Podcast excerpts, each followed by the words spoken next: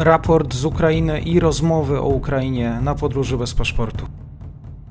Dzień dobry wszystkim słuchaczom. Też na prośbę. Dzisiaj temat z Naddniestrza. Moim gościem jest Kamil Całus z Ośrodka Studiów Wschodnich. Dzień dobry. Dzień dobry. Tytuły medialne, gdyby czytać nagłówki polskich mediów, to można byłoby rzec, że Putin właściwie chce tego Naddniestrza. Media również powoływały się na doniesienia amerykańskiego senatora. To były niedzielne słowa. Wiceszef Komisji do Spraw Wywiadu Senatu Stanów Zjednoczonych Marco Rubio mówił, że no, jest taka ewentualność. Co sądzi Kamil Całus?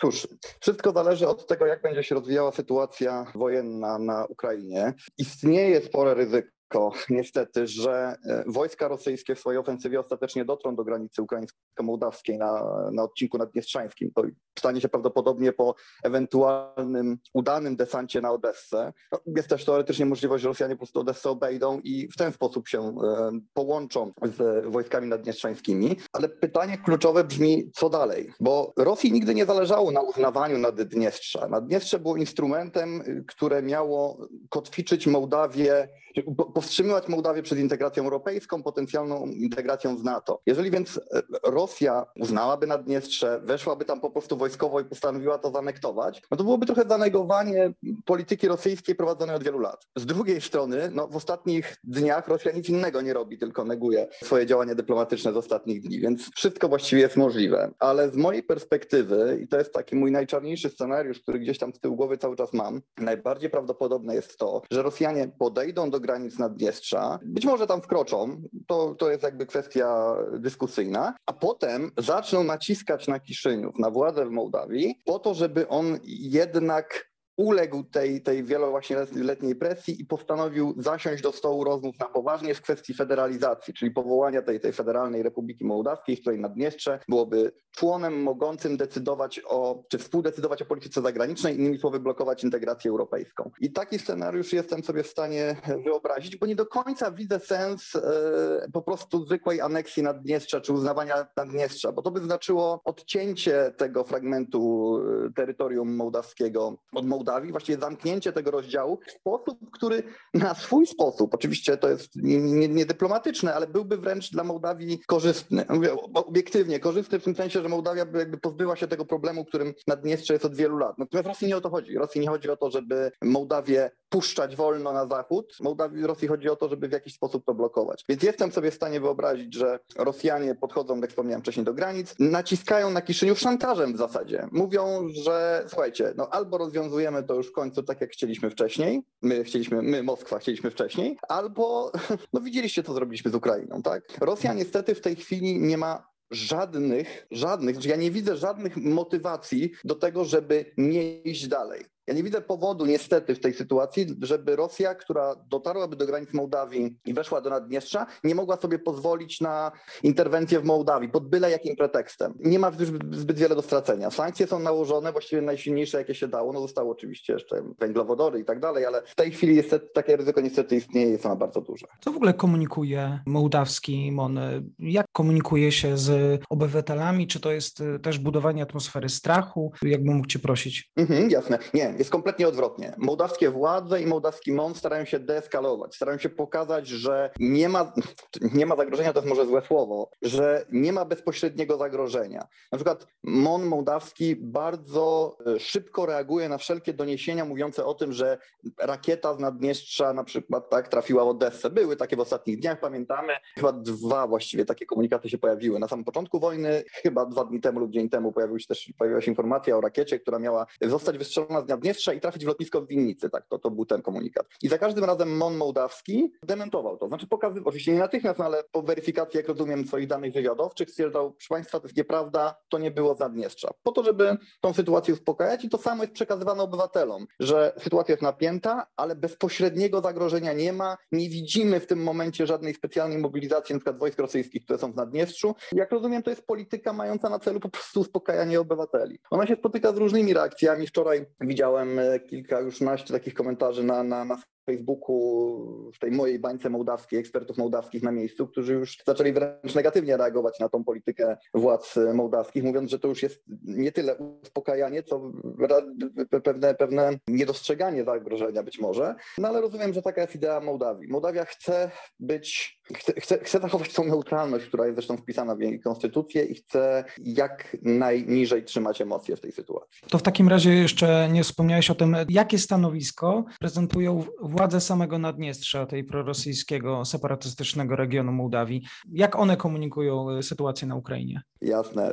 No to jest oczywiście bardzo ciekawe. Trzeba zaznaczyć, że władze Naddniestrza nie są suwerenne w żaden sposób i nie chodzi mi tylko o suwerenność międzynarodową, no ale też są pod silnym wpływem Rosji. Natomiast no, nie jest tak, że y, one nie mają własnych interesów. Mają, tylko nie zawsze są w stanie, czy nigdy właściwie nie są w stanie jakoś ich szczególnie wyegzekwować ze względu na, na, na swój status i na swój, swój rozmiar. Jeśli chodzi o konflikt na Ukrainie, to władze naddniestrzańskie, y, czy w ogóle całe, całe Naddniestrze, bo to chodzi o media i o polityków, od początku starali się trzymać do tego dystans. Bardzo długo nie było właściwie żadnych komentarzy. Jeżeli się weszło 24 lutego na portale informacyjne naddniestrzańskie, to tam się pojawił może jeden artykuł na temat tego, że no tak, rozpoczęła się ta słynna operacja wojskowa na Ukrainie, bo oczywiście Naddniestrze powtarza tą, tą, tą, tą, ten, ten zwrot retoryczny czy propagandowy rosyjski, ale nic więcej. Prezydent, tak zwany prezydent Naddniestrza chyba dopiero dzień później zajął jakieś stanowisko i ogólnie stanowisko Naddniestrza jest takie, że tam się dzieje konflikt, konflikt jest zawsze zły, oczywiście nie krytykujemy Rosji, to broń Boże nie o to chodzi, bo Rosja na pewno wie co robi, natomiast konflikt jest zawsze zły, bo cierpią na tym ludzie i w związku z tym Naddniestrze otwiera swoje, swoje, swoje granice, otwiera swoje domy, otwiera swoje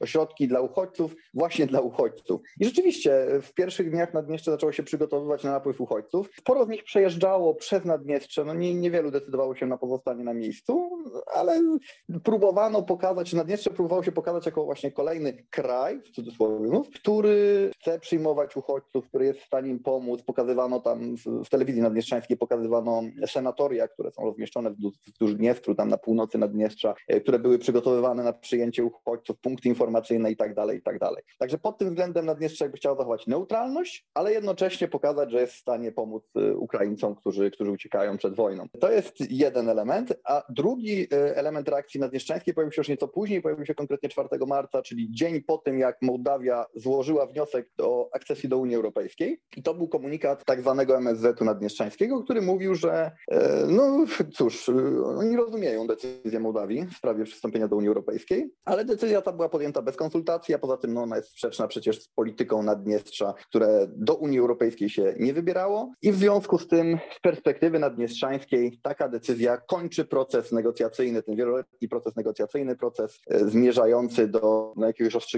konfliktu naddniestrzańskiego i Naddniestrze prosi władze mołdawskie oraz społeczeństwo międzynarodowe czy organizacje międzynarodowe o uznanie swojego statusu jako niepodległego państwa. I to była druga reakcja. I to jest taka najświeższa reakcja tak naprawdę naddniestrzańska na, na, to, co się, na to, co się dzieje. Ona nie jest jakoś zaskakująca, bo Naddniestrze w ogóle regularnie prosiło, to też jest ważne, w mediach różne komunikaty się pojawiały. Naddniestrze regularnie prosiło o uznanie i o status, yy, znaczy o, niepodległość, o uznanie niepodległości. Tylko, że nigdy nie stało się to w sytuacji, kiedy wojska rosyjskie tak szły realnie w stronę granicy naddniestrzańskiej. Stąd pewien niepokój zarówno ze strony Kiszyniowa, jak i ze strony yy, zachodnich partnerów Kiszyniowa, co może się dziać dalej, bo możemy sobie wyobrazić, że to wezwanie uznanie niepodległości będzie wykorzystane potem przez Władimira Putina do, dla celów politycznych. Tak? Możemy sobie wyobrazić, że Naddniestrze zostanie uznane i potem rozpocznie się ten proces, o którym mówiłem wcześniej, tak? czyli uzna, uznajemy was, ale tak naprawdę no, musicie tutaj się dogadać teraz z Mołdawią, powołać federację już z perspektywy państwa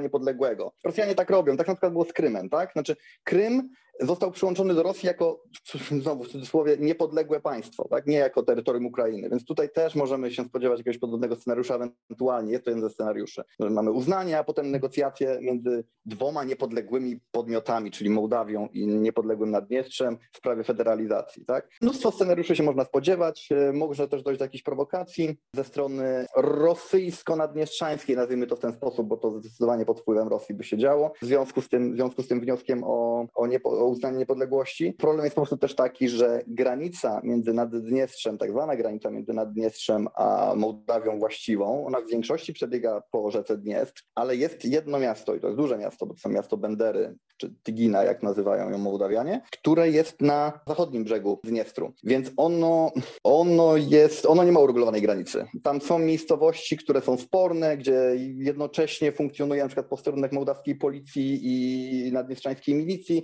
i znów możemy sobie wyobrazić, że w sytuacji, gdyby doszło na przykład do uznania Naddniestrza przez Rosję, no to zaraz by się pojawiły dyskusje dotyczące granic, być może jakieś starcia graniczne, co byłoby świetnym pretekstem z perspektywy Moskwy do tego, żeby wkroczyć jako właśnie ta, ta strona rozjemcza, pokojowa i, i dalej już kontynuować tak, proces zawłaszczania Mołdawii, przejmowania jej kontroli nad tym, nad tym krajem. To jeżeli jeszcze chodzi o obecność właściwie rosyjskich żołnierzy w tym regionie świata, jak wyglądają te szacunki właśnie na terenie Naddniestrza? Mhm. One nie są duże. To znaczy, oczywiście no nie mamy pełnej wiedzy, bo w ostatnich miesiącach mogło na przykład dojść do przerzutu chociażby jakichś oddziałów specjalnych bez mundurów przez port lotniczy w Kiszyniowie po prostu jako zwyczajnych cywili. Ale jeżeli to odsuniemy na razie na bok i spojrzymy na to, co tam jest oficjalnie, to oficjalnie wojska rosyjskie w Naddniestrzu są naprawdę nieliczne, z około 1500-2000 osób i to mówię o całym stafie wojskowym, tak? Czyli mamy tam nie tylko żołnierzy, żołnierzy, ale też obsługę, cała ta, całą tą grupę osób, która jest potrzebna do tego, żeby taka jednostka funkcjonowała. I to są siły, to, to, to są, to są oddziały zmotoryzowane, to, to, to, nie są wojska pancerne, to nie jest lotnictwo, to nie jest żadna poważna siła wojskowa. One mogłyby ewentualnie dołączyć do wojsk rosyjskich w pewnym momencie, gdyby to było konieczne, natomiast czy, czy je trochę wesprzeć, natomiast to nie jest tak, że te oddziały mogłyby naprawdę realnie zaatakować Ukrainę, na przykład ze strony Naddniestrza i przejść w stronę Odessy, bo to by się bardzo szybko dla nich skończyło źle. Ukraińcy się od y, lat przygotowują na ewentualną interwencję rosyjską z tego kierunku. Co więcej, w ostatnich dniach y, siły zbrojne Ukrainy wysadziły most kolejowy na granicy z Mołdawią nad rzeczką Kuciurhan, e, który to most jest główną linią kolejową między Kiszyniowem a Odessą. Rozumiem, że tutaj po prostu też istniała pewna obawa ze strony ukraińskiej, że Rosjanie mogliby próbować za pośrednictwem tej linii kolejowej przetransportować jakiś sprzęt. No to, no to już nie mogą, bo tej, bo tej linii nie ma. Także e, to jest to. No, mamy też oczywiście Armię Naddniestrzańską, e, która jest, no też nie jest jakoś bardzo liczna. Różne dane są na jej temat, 3 do 5 tysięcy ludzi. Ona jest niebezpieczna z punktu widzenia Mołdawii, dlatego że Mołdawia praktycznie nie posiada sił zbrojnych. Siły zbrojne Mołdawii są porównywalne, nawet trochę mniejsze od sił zbrojnych naddniestrzańskich, więc ewentualnie tu mógłby to być problem. Ale ja mam poważne wątpliwości co do tego, czy armię naddniestrzańską można by tak po prostu z marszu wykorzystać do prowadzenia operacji na, na terenie Ukrainy. To są ludzie, którzy jednak często znają swoich sąsiadów ze strony ukraińskiej. Są tam mieszane rodziny. No, mogłoby być po prostu trochę trudno. Znaczy, mogłoby być trochę, i tak jest kiepsko z moralami, jak wiemy, wojsk rosyjskich, tu mogłoby być jeszcze trudniej. Myślę, że Rosjanie woleliby jednak wykorzystywać po prostu swoich, swoich żołnierzy, tych funkcjonujących formalnie w ramach sił zbrojnych Federacji Rosyjskiej stacjonujących w Naddniestrzu. Chociaż, i to jest taka ciekawostka, należy dodać też, że od 2014 nie jest prowadzona pełna rotacja wojsk rosyjskich w Naddniestrzu, no ze względu oczywiście na to, co się stało na Ukrainie w 2014, na atak rosyjski.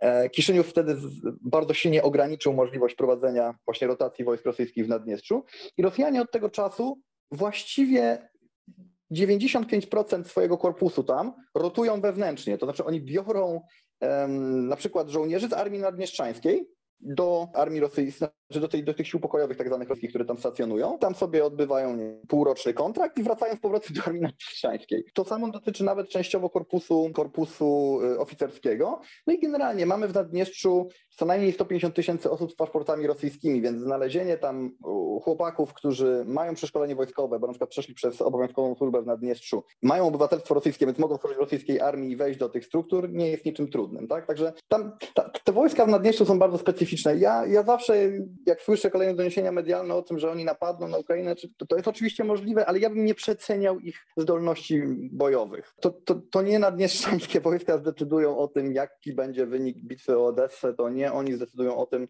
czy Rosjanom się ostatecznie uda podejść do granic z Mołdawią. W wyniku rosyjskiej też agresji, e, która trwa już 13 dzień, z terytorium Ukrainy też e, ucieka, uciekło do tej pory blisko półtora miliona ludzi. Również większość z nich kieruje się w stronę Mołdawii, Rumunii. Jak radzi sobie ten region świata właśnie z przyjęciem uchodźców? Czy, czy mogą tam rzeczywiście znaleźć swoje schronienie? Powiem tak, radzi sobie póki co bardzo dobrze. Znaczy ja mhm. jestem, szczerze mówiąc, pod wrażeniem e, organizacji Mołdawian. Są mhm. centra dla uchodźców rozsiane po całym kraju. Na granicy jest taki obóz przejściowy, są namioty, oczywiście jest jedzenie. Wygląda to mniej więcej tak jak u nas. Tak? My mhm. jesteśmy zachwyceni tym sami, jak, jak, jak się zorganizowaliśmy. Mołdawianie naprawdę robią to w bardzo podobny sposób. Rozdawane są karty SIM, ubrania, y, podjeżdżają ochotnicy czy wolontariusze, którzy przyjeżdżają samochodami własnymi, transportują tych ludzi do Kiszyniowa, przyjeżdżają też zorganizowane autobusy. No, bardzo dobrze to wygląda. Są też przygotowywane miejsca w całym kraju.